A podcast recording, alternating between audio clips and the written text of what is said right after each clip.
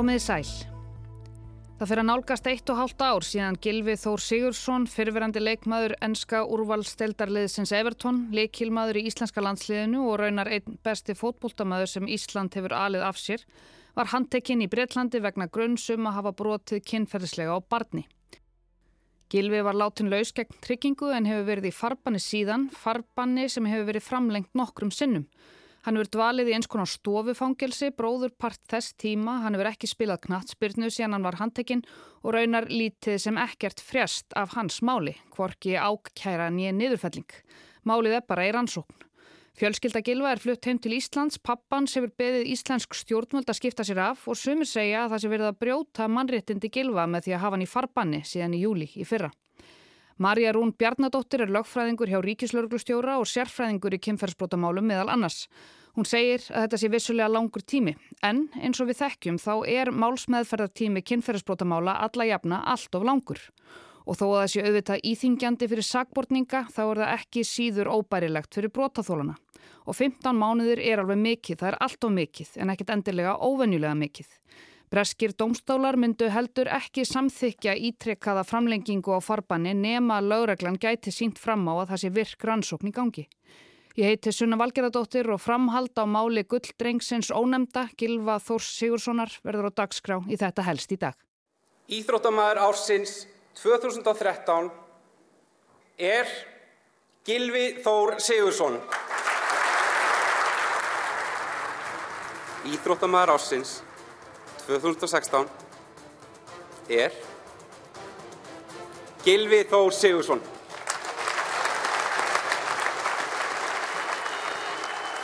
Sigurdsson and he scored! What a wonderful free kick from Gylfi Sigurdsson. Well, that is amazing. Gylfi Sigurdsson. You set up a chance here for Sigurdsson.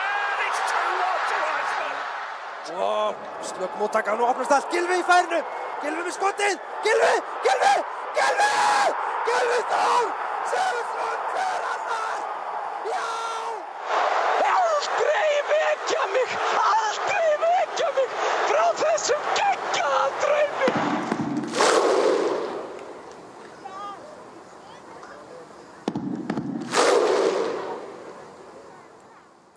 En þessi geggjaði draumur Gummaben tók enda, þrátt fyrir hávær og víðspiluð bónorð hans um annað. Dáðadrengirnir okkar íslensku snýru heim og var fagnað af landsmönnum sem stórstjórnurnar sem þeir eru, eða voru. Strákanir okkar áttu sumarið 2016 þeir óku í opinni rútu frá skólaverðuholti í virðingarfyllt lögreglu að Arnarhóli þar sem hálft landið húaði sig hást. Og nokkrum árum síðar hafði þessi geggjaði draumur Gumma Ben og þjóðarinnar allrar breyst í martröð.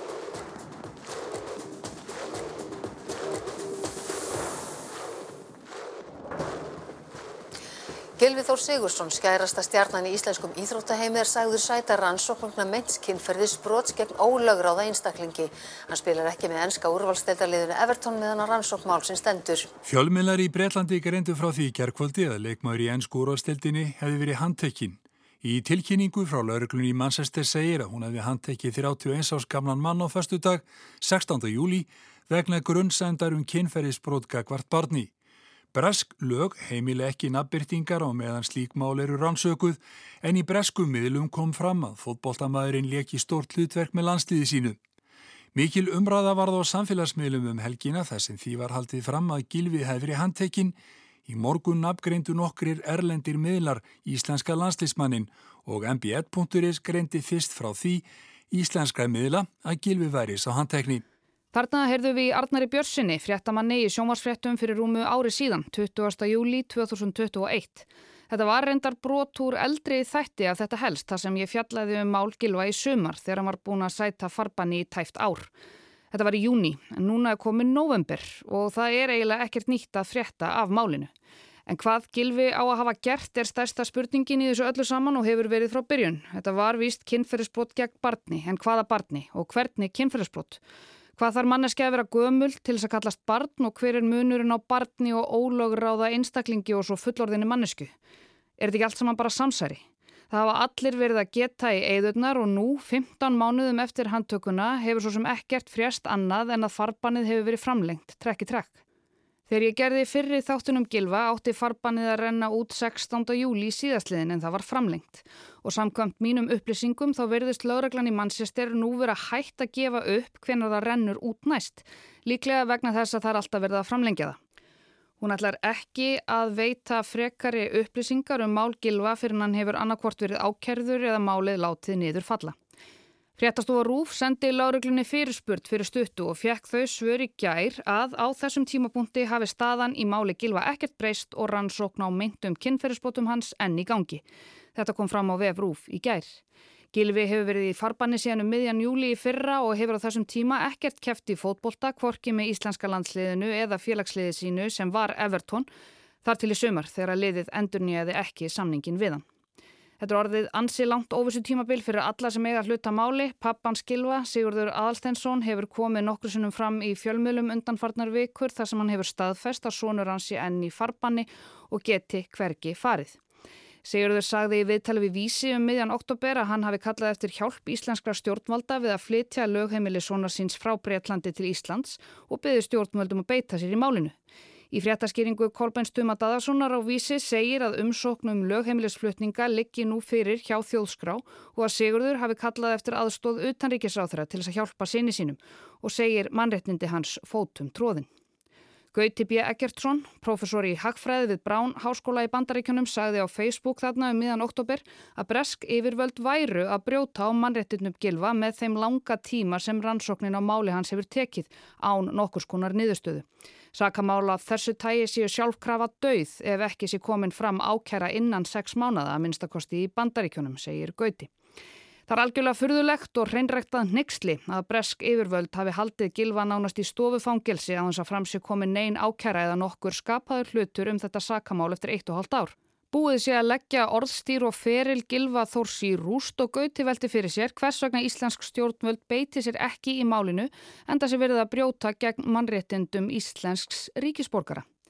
Sigurður pappi Gilva segir í viðtalum við vísi að fjölskyldan hafi strax hösti 2021 haft samband við utanríkisráþara sem þá var Guðlaugur Þór Þórðarsson. Hann hafi látið ráðunitistjóran ringja í sig og þeir hafi átt gott og langt spjall. Það hefði þó verið ákveðið í samráði við lögmannin hans Gilva að setja ekki pólitískan þrýsting á breska dómskerfið en þetta var þegar Gilvi hafði einungis verið í farbanni í um þrjá mánuði. Sigurður segist svo hafa haft samband aftur við utaríkisráðunettið í haust í ljósi þessa mál sonarans sem er íslensku ríkisborgari og á fjölskyldu sem er flutt heim til Íslands hafi dreyist von úr viti. Gilvi gæti hafa verið farin heim til Íslands fyrir löngu. Í viðtælinu segir Sigurður að lauraglann í Manchester krefjist þess stöðugt við domstóla að farban yfir gilva verði framlengt án þess að nokkuð nýtt sé að frétta af málinu. Þess vegna hafi fjölskyldan viljað flytja lögheimili hans til Íslands til þess að gera dómskerfinu ytra erfiðara fyrir að samþykja í enn eitt skiptið farban á Íslanding í útlöndum. Fréttastofa Rúf óskaði eftir upplýsingum frá Utaríkisraðunettinu hvort til væri fordæmi fyrir því að Utaríkisraðunettið beitti sér fyrir því að Íslandingur sem væri til rannsóknar eða hefði verið ákjærður og sætti rannsóknar aðgerðum vegna þessa kæmi til landsins áður en að dómur fjalli. Ráðuneytið svaraði því til að þegar að úrskurðað hefur verið að íslenskur sakbortningur sæti þingunar aðgerðum erlendis, líkt og farbanni eða gæsluvarðhaldi, fram á dóms uppkvæðningu þá kemur eðli málsins samkvæmt að jafnaði ekki til þess að hann ferðist til Íslands í millitíðinni. Fram kemur í frétt rúf að aðeins eitt dæmi sé til um að íslensk stjórnvöld hafi með beinum hætti komið að stuðningi við málatilbúnað íslensks ríkisborgara erlendis. Sá hafi hlotið alþjóðlega vernd og síðar íslenskan ríkisborgararétt en var handikinn í Kroatíu á grundvelli handtökuskipunar frá Rústlandi. Það mál hafi verið einstakt og ekki sambarilegt við hefðbundin sakamál. Sigurður hefur reynd kannski eðlilega eftir fremsta megni að fá stjórnvöld til þess að kippa í einhverja spotta fyrir svonsinn en það hefur ekki skilað miklum árangri. En það liggur heldur ekkit endanlega fyrir hvað Gilvið Þór á að hafa gert. Þarna í júni því gerði fyrri þáttunum Gilva hafði breska íþróttatímaritið The Athletic byrt nýverið stóra grein undir fyrirsögninni Mál ónemda fótbóltamannsins sem er til rannsóknar vegna kynferðisbróts gegn barni eða The Case of the Unnamed Footballer Being Investigated for Child Sex Offences. Hlustum á smá brot úr því. Það var hér, dag einn síðasta sumar þegar rannsónalauruglumenn bönguð upp á hjá fóbaltamanni einum í tengslu við rannsókn á myndri kynferðisleiri misnótkun á barni. Þessa dagana fer þessi fókbaltamaður huldu höfði og heldur til í húsnaði sem er skilgreitt sem safe house eða skjólhús. Honum er ekki bóðið í golf með liðsfélugum sínum eða í kaffibotla eftir æfingu. Hann hefur verið fluttur á ótilgrindar stað á meðan lauruglan rannsakar þar ásakanir að hann hafi beitt stúlku undir 16 ára aldri kynferðslegu ofbeldi. Fartölun hans hefur verið tekinn og það hefur meira að segja verið gefið í skín að teipað hafi verið fyrir glukka í nýja húsinu hans til að koma í vegferir að drónar geti tekið myndir innum þá. Sagt er að fókbóltaliði hans hafi komið honum fyrir í þessu húsi. Engina félögum hans í liðinu vil tala um þetta en það veit engin nákvæmlega hvað er í gangi fyrir utan hans nánasta ring. Síðan þessi grein byrtist í sumar hefur fjölskyldan hans Gilva flutt heim til Íslands, það er kona hans og dóttir en hann getur hverki farið enda í farbanni vegna rannsóknar um kynferðisbrot gegn barni. Hann getur ekki flutt lögheimili sitt heim til Íslands vegna þess að hann verður sjálfur að mæta fysiskt á staðin til þess að skrifa undir og framvísa skilríkjum. Pappi Gilva hefur ekki fengið neinn skýr svör frá stjórnvöldum hér en það er það kannski ekkert í þeirra verkarhinga hlutast til um laurugluransóknir í öðrum löndum. Jafnvel þó að þær taki svona langan tíma. 15 eða 16 mánuðir það er vissulega langur tími. Ég fekk Marju Rún Bjarnadóttur, lögfræðing hjá Ríkislauruglustjóra og aðjungt við Háskólan á Akureyri til þess að spá aðeins í þetta mál með mér. Marja Rún er reynslu mikil og sérfróð á þessu sviði. Hún var til dæmis fyrst Íslandinga kjörinn til setu í Grefjó sem er eftirlitsnemnd Evrópuráðsins með Istanbul samningnum um aðgerðir gegn ofbeldi gagvart konum og heimilisofbeldi. En er þetta mál að taka óeðlilega langan tíma? Þar að segja, er það óvenjulega langur tími þegar kemur að kynferðisbrota rannsóknum almennt? Ef við miðum þetta til dæmis bara við rannsókn í Íslensk kynferðsbrota máls uh, að þá er þetta ekkit eitthvað hræðilega langur tími fyrir miður það sem kannski er í þessu máli að maður, maður veitir sjálfur ekkit við, við veitum ekkert hverjar uh, ásakanirnar eru. Við veitum ekki hvort að kannski er þetta mál þar sem er mikið að stafranum gögnum og það er, það er eitthvað sem gerir það að verkum að það hægir mjög á rannsókn mála þar sem er mikið að stafranum gögnum. Það tekur lengri tíma fyrir gegnum þau ég held að þetta sé svona svolítið eins og með sko þegar fólk er að, að reyna að komast út í flugvél þegar flugvélin er lendt og mínúturnar frá því að, þú, frá því að hérna vélin lendir og sætisbeltaljósi fyrir af þánga til þú kemst út, mann er verðist það alltaf að vera rosalega langur tími. En það er það kannski ekkert endilega, það eru kannski bara nokkra mínútur og ég held að það gæti verið líka með þetta máli sem ég segir vegna þess að það er svo mikið tengt við hans personu eh, og svona aðra hluti sem eru undir til dæmis eins og þennan glaspinduferil og, og svo framvegð sem að sem að einhvern veginn fólk er eða vort meira fylgjast með þessu að, hérna, að þá tekur það kannski meira eftir því. En, en ég hugsa að margi þólendur í, í kynfarsbrotamálum e, út um allan heim Eh, kannist alveg við þennan, þennan hérna, tíma sem að rannsókmála tekur því miður.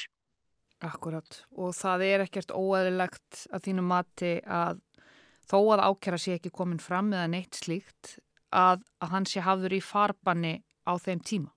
Sko farbann er svona ákveð þvingunarástöðun sem að hérna, er beitt þegar það er einhvers konar hætta á því að einstaklingur gæti látið sér hverfa eða, látið, eða farið úr lögsugunni á meðan rannsókmálsins fer fram.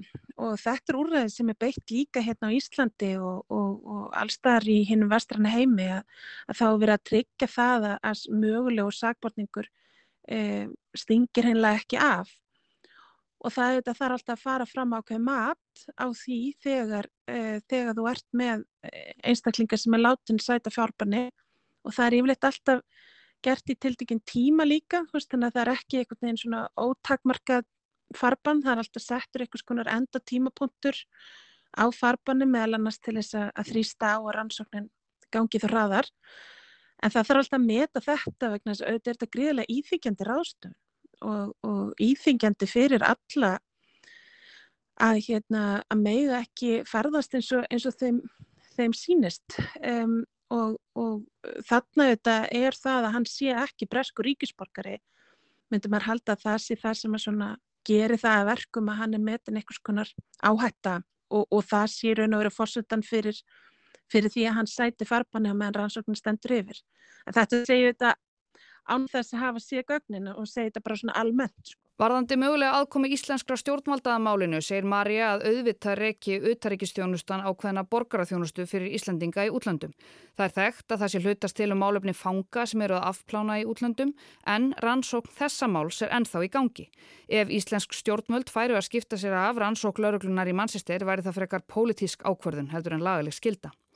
Og svo staðreind að farbannið yfir gilva hafi verið framlengt ítrekkað þýðir, segir Marja, að það sé alltaf að fara fram endurmat hjá domstólum á því hvaða gögn séu fyrirlikjandi, hvaða gagna eigi eftir að abla og hversu mikilvægt að sé að viðkomandi sé í landinu og láti sér ekki hverfa á meðan málið er í rannsókn. Það segir okkur að, að það sé þá einhver gangur í rannsókninu vegna þess að auðvitað ef að ef að lauruglan gæti ekki sínt fram á einhvers konar gögn eða einhvers konar framgang í rannsókninni þá auðvitað var í hæpið að domstóla vera að fallast á að, ítrekka framlengja farbanið og þetta aftur bara með, með þeim fyrirvara að, að ég þetta þekk ekki til byllinni sko, það heldur bara svona almennt að þá eru þetta þau sjónamið sem að myndu eiga við held ég. Veistu eitthvað sko, um tímaramman í þessu? Þannig var alltaf hægt að halda þessu áfram út í óendanlega. Þetta lítur að fara, lítur að fara að ljúka á einn hátt eða annan þú veist, við sjáum það náttúrulega bara, það er í Breitlandi alveg eins og í flestum ríkum í Evrópu, það hefur orðið bara veruleg aukning í kynferðsbrotumálum uh, og við veitum náttúrulega ekki hvort það er raunaukning eða hvort það er aukning í málum sem eru tilkynnt og kræfjast aðtökli kervisins. Ég myndi ekki treysta mig til að spá um sko hver líklegur tímarami sé á eitthvað svona endapunkt í þessu. En ég held samt sko þegar maður veldur þessu fyrir sig, ég meina auðvitað er þetta langu tíma og það er erfitt að hérna þetta, þetta er rosalega erfið stað að vera í. Og þetta er, ef maður hugsa til dæmis um það sem að brótafólar í kemfyrirsbrotum tala um varðandi meðfram álana, að þá er það einmitt þessi óvisa yfir langan tíma sem að veldur þeim mestu hugurangri yfir eitt og ég hugsa sko það er áhugavert hvað í raun og veru þetta ákall um hraða málsmeðferð eins og sett út frá því að það sé erfitt fyrir hinn ætlaða sagbortning, fyrir sagbortningin hversu langan tíma þetta tekur og auðvitað tekur þetta líka langan tíma fyrir brotaþólan og, og þetta er svona það sem fólk hefur gaggrínt mikið við meðferð kynfyrsbrota er að mitt langur tími í rannsóknum og það sé skadlegt Ég held að þetta sínur okkur kannski að getur, það getur verið skæðlegt fyrir allaðilega, ekki bara brótaþúla. Það er náttúrulega líka eina megin ástæðan fyrir að lauruglan er alltaf að reyna að sko flýta þessum stikta málsmeðfrættíman sko, þetta, þetta getur verið alveg óbærilegt fyrir brótaþúla og, og, hérna, og þetta getur það líka verið erfitt fyrir sagbortinga sagði Marja Rún Bjarnadóttir, lögfræðingur hjá Ríkislauglustjóra. Lauraglan í Manchester er hægt að veita upplýsingar til fjölmiðla um tímaramma farbansins, að minnstakosti er ég ekki með upplýsingar um nýjustu dagsetningar og ekki heldur kollegar mínir. Ég heiti Sunna Valgeradóttir og framhald á máli ónemda fótboltamannsins Gilva Sigurssonar var helst hjá mér í dag. Takk fyrir að leggja við hlustir og við heyrumst aftur á morgun.